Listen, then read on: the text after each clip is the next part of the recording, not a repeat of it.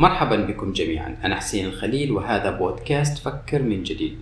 وقبل البدء أريد أن أنوه إلى أن أي فكر بشري لا يعطى صفة القداسة ولا الحقيقة المطلقة فالحجة ترد وتفند بالحجة.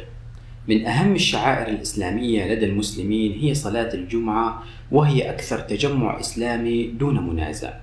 يعني إذا قارناها بصلاة العيد أو الحج فلا توجد وجه للمقارنة. فصلاة العيد مرتان في السنة والحج مرة في السنة بينما صلاة الجمعة فهي أسبوعية. وحتى إنكم تجدون أشخاصا لا يصلون الصلوات لكنهم يداومون على صلاة الجمعة لأهميتها كما يعتقدون.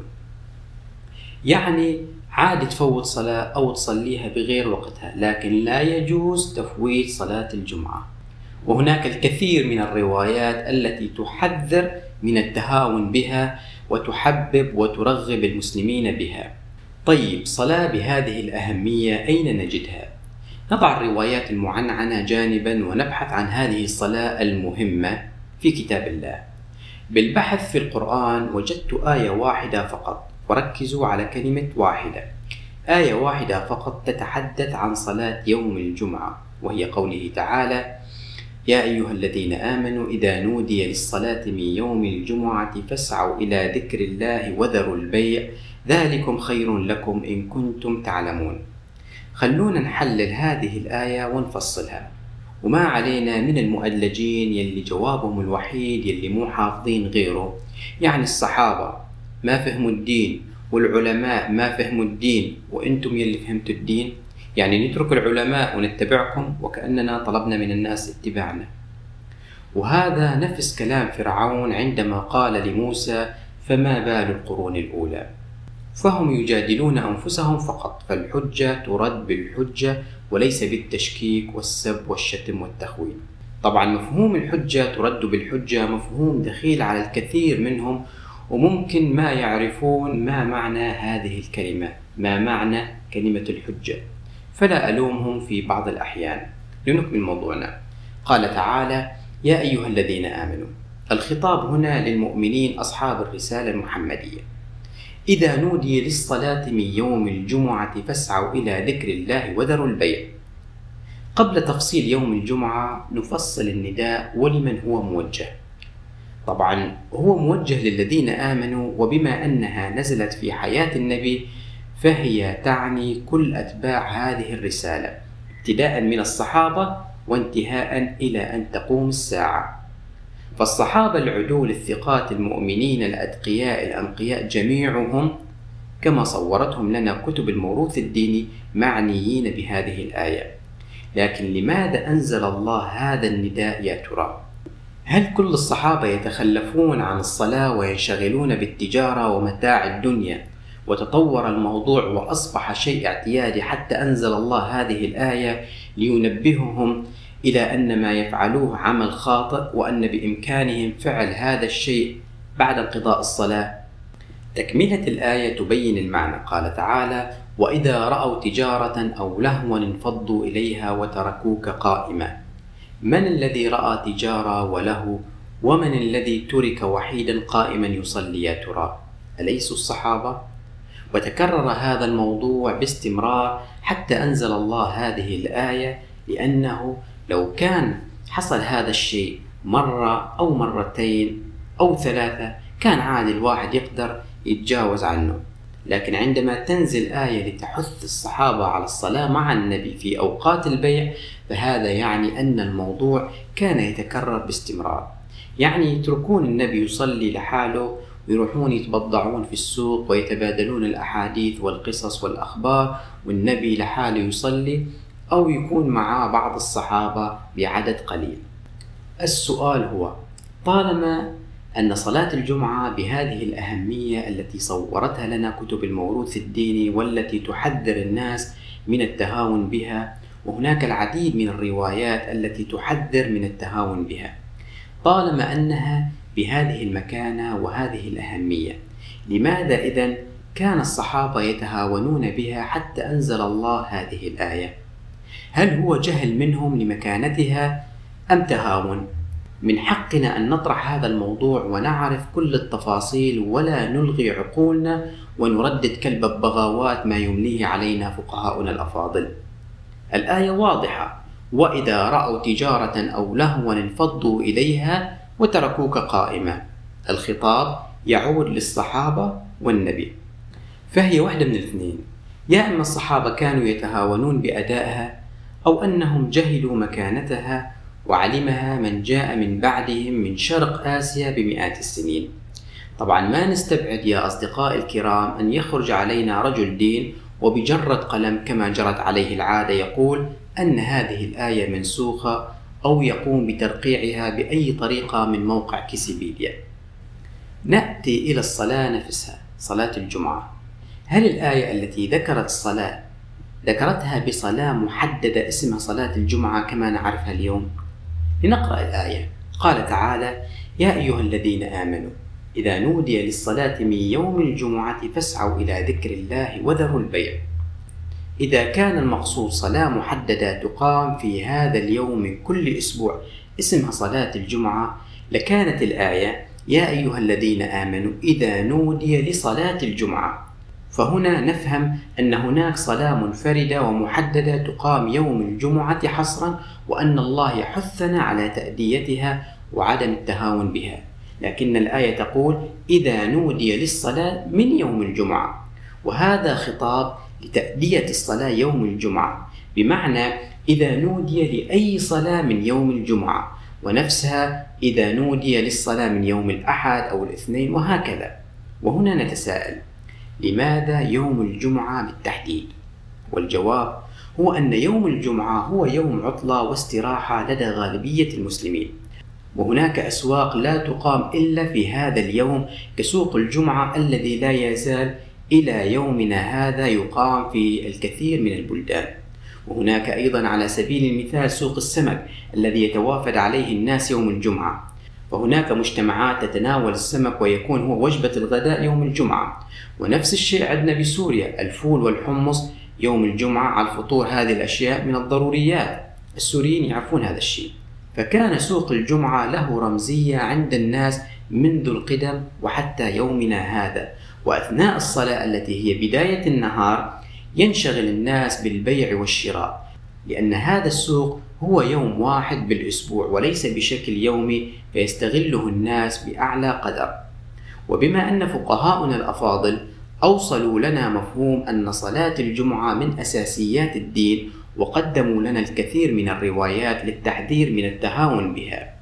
فمثلا هناك رواية عند مسلم تقول لينتهين أقوام عن ودعهم الجمعات أو ليختمن الله على قلوبهم ثم ليكونن من الغافلين وفي رواية ثانية في صحيح الترغيب للألباني تقول من ترك ثلاث جمعات من غير عذر كتب من المنافقين فهذا تحذير خطير للتهاون في أداء هذه الصلاة من خلال هذه الروايات أليس كذلك؟ وأيضا هناك روايات أخرى تحث على فضائل هذه الصلاة. لكن بالمقابل يا أصدقائي الكرام عندما تصادف صلاة العيد مع صلاة الجمعة في يوم واحد فتصبح هنا لدينا صلاتان الجمعة والعيد. وبحسب فتاوى فقهاؤنا الأفاضل فإن تأدية أي صلاة تجزئ عن الأخرى. يعني بحسب الفتوى إذا صليت العيد فلا حرج عليك إذا لم تصلي الجمعة. فتصوروا صلاة بهذه الأهمية وكونها فريضة بحسب الموروث الديني فإنها تسقط عن طريق صلاة نافلة. يعني بتوضيح أكثر. عندنا صلاة عيد وصلاة جمعة. الأولى سنة والثانية فرض. وهذا الشيء لا يخفى عليكم والجميع يعرفه. فكيف لصلاة نافلة تجزئ عن صلاة مفروضة وتسقطها أليس من المفروض أن تقدم الفرض على النافلة ولا أنا غلطان؟ أليس من المفروض أن تكون الفتوى أن صلاة الجمعة هي الأهم لأنها فرض وأن صلاة العيد نافلة لا يأثم من تركها؟ فكيف يساوون بينهما؟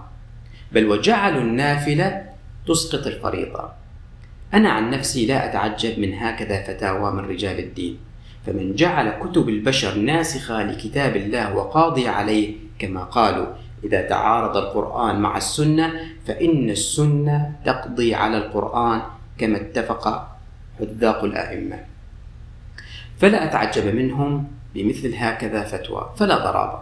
لكنني أريد ممن يتبعهم الاتباع الأعمى أن يعمل بعقله ولو قليلا.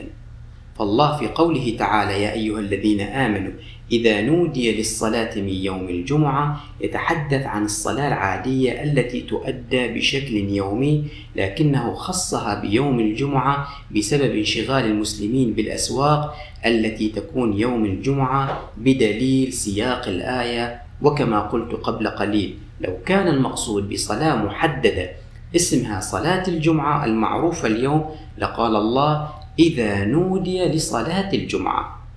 فلماذا نتقول على الله بشيء لم يقل؟ ونأتي إلى الجزء الأخير في هذه الحلقة. من أين أتت هذه الصلاة؟ صلاة الجمعة. من الذي ابتدعها ومتى؟ ولماذا؟ وما هي الغاية منها؟ طالما أنها لم تذكر في القرآن. صلاة الجمعة يا أصدقائي الكرام وجدت لأغراض سياسية بالمقام الأول. وقبل تفصيل هذا الموضوع لننسى كل ما قلته في هذه الحلقة ولنعتبرها أنها صلاة مفروضة أداها الرسول والصحابة من بعده إلى يومنا هذا.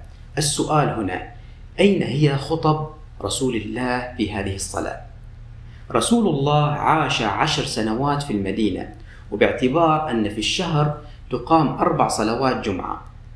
ففي العشر سنوات هناك ما يقارب 480 صلاة. يعني عندنا 480 خطبة جمعة للرسول أين هي هذه الخطب؟ أين اختفت؟ ولمصلحة من اختفت؟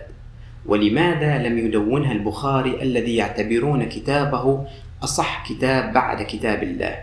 لماذا لم ينقل لنا على الأقل خطبة واحدة تشفع له؟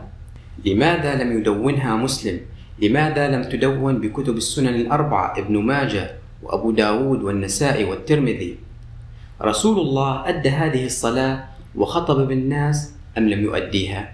وبالتأكيد تأديتها ستكون أمام جميع المسلمين في مدينته لأن الجميع سيكون حريص على تأديتها وهذه الخطب تعتبر أكثر أحاديث لرسول الله تكون متواترة على لسان جميع الصحابة لأن الجميع سمع النبي وهو يخطب بالناس على مدى الأسبوع. وبالتالي كل الصحابة سمعوا تلك الخطب وحفظوها. لكن الغريب أنه لم يتم نقل ولا خطبة واحدة. لماذا؟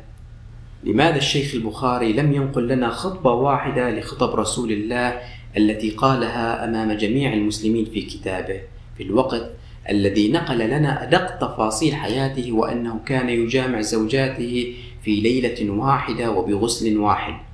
البخاري نقل لنا ما كان يحصل داخل غرفة نوم النبي وأنه كان يباشر زوجه عائشة وهي حائض والكثير من الروايات التي تنتقص من النبي ومن أهل بيته والتي لا فائدة منها والتي ينقلها عن صحابي واحد فقط لكنه لم ينقل لنا ولا خطبة جمعة التي سمعها كل الصحابة ومسلم كان ينقل لنا أن النبي قضى حاجته من الخلاء فقرب إليه طعام فأكل ولم يمس ماء يعني ليه يتم إظهار النبي بهذا المظهر أي واحد فينا إذا يحصل معاه هذا الموقف ماذا سيكون ردة فعله يا ترى؟ يعني مثلا شخص شاف واحد خرج من دورة المياه أعزكم الله ولا غسل إيديه ولا شيء ومباشرة إجا على السفرة وصار يأكل معاك يا ترى راح تأكل معاه؟ أنا عن نفسي لا لماذا يتم إظهار النبي بهذا المظهر من خلال هذه الروايات التي هي الأرض الخصبة لمن يريد الطعن بهذا النبي الكريم طيب هل هذه الروايات أهم أم خطب الجمعة يا ترى؟ أليس من حقنا أن نسأل عن خطب رسول الله حتى نأخذ منها الحكم والعبر؟ على ما يبدو أن روايات أن النبي كان يستنجي بثلاثة أحجار وأنه كان يطوف على نسائه ويباشر الزوجة وهي حائض ويأمر بالذبح أهم من خطب رسول الله عند مدوني الروايات. طيب بلاها خطب الرسول، أين هي خطب الصحابة؟ أين هي خطب الخلفاء الأربعة أبو بكر وعمر وعثمان وعلي لماذا لم يدونها مدوني الروايات حتى تكون مرجعا للمسلمين في الدروس والمواعظ؟ لن نجد الجواب على هذا السؤال لأنه بالأصل ليس هناك صلاة اسمها صلاة الجمعة لتكون لها خطبة خاصة بها يتم تدوينها في كتب التراث. فهذه الصلاة وجدت لأغراض سياسية بحتة، وأعتقد أنها وجدت في العصر الأموي للسيطرة على الناس الذين لم يكن لديهم وسائل للسيطرة. في السابق لم يكن لدى الحاكم أي وسائل اتصال للسيطرة على الناس كما هو الحال اليوم من قنوات مرئية وسمعية ومكتوبة ومقروءة وجرائد تمجد الحاكم وتذكر مناقبه وانجازاته الوهمية. في السابق لا يمتلكون مثل هكذا وسائل، فأفضل حل هو اختراع صلاة يجتمع بها المسلمون وتكون في الأسبوع مرة. فصلاة الجمعة كانت بمثابة نشرة الأخبار أو القناة الحكومية. يعني مثل قبل كم سنة القناة الأرضية يلي بدك تتفرج عليها غصب عنك لأن ما في غيرها. طبعا قبل ما تظهر الدشات. فكانت صلاة الجمعة تؤدي نفس الغرض التي تؤديه اليوم القنوات الحكومية التي تطبل للحاكم وتذكر مناقبه وإنجازاته وتحث الناس على الصبر وأن بلدنا مستهدف وتخويف الناس حتى يبقوا خاضعين. فمدوني الروايات الذين كانوا على مقربة من الحاكم قالوا سهلا نخترع لهم صلاة ونحذرهم من تركها كما مر معنا من روايات قبل قليل. والدليل أيضا موجود بالقرآن. يا أيها الذين آمنوا إذا نودي للصلاة من يوم الجمعة ونفسر يوم الجمعة على أنها المقصود بها صلاة الجمعة. وراس مالها قال رسول الله وبعدها اخرط شلون ما بدك وما حد راح يبحث وراك.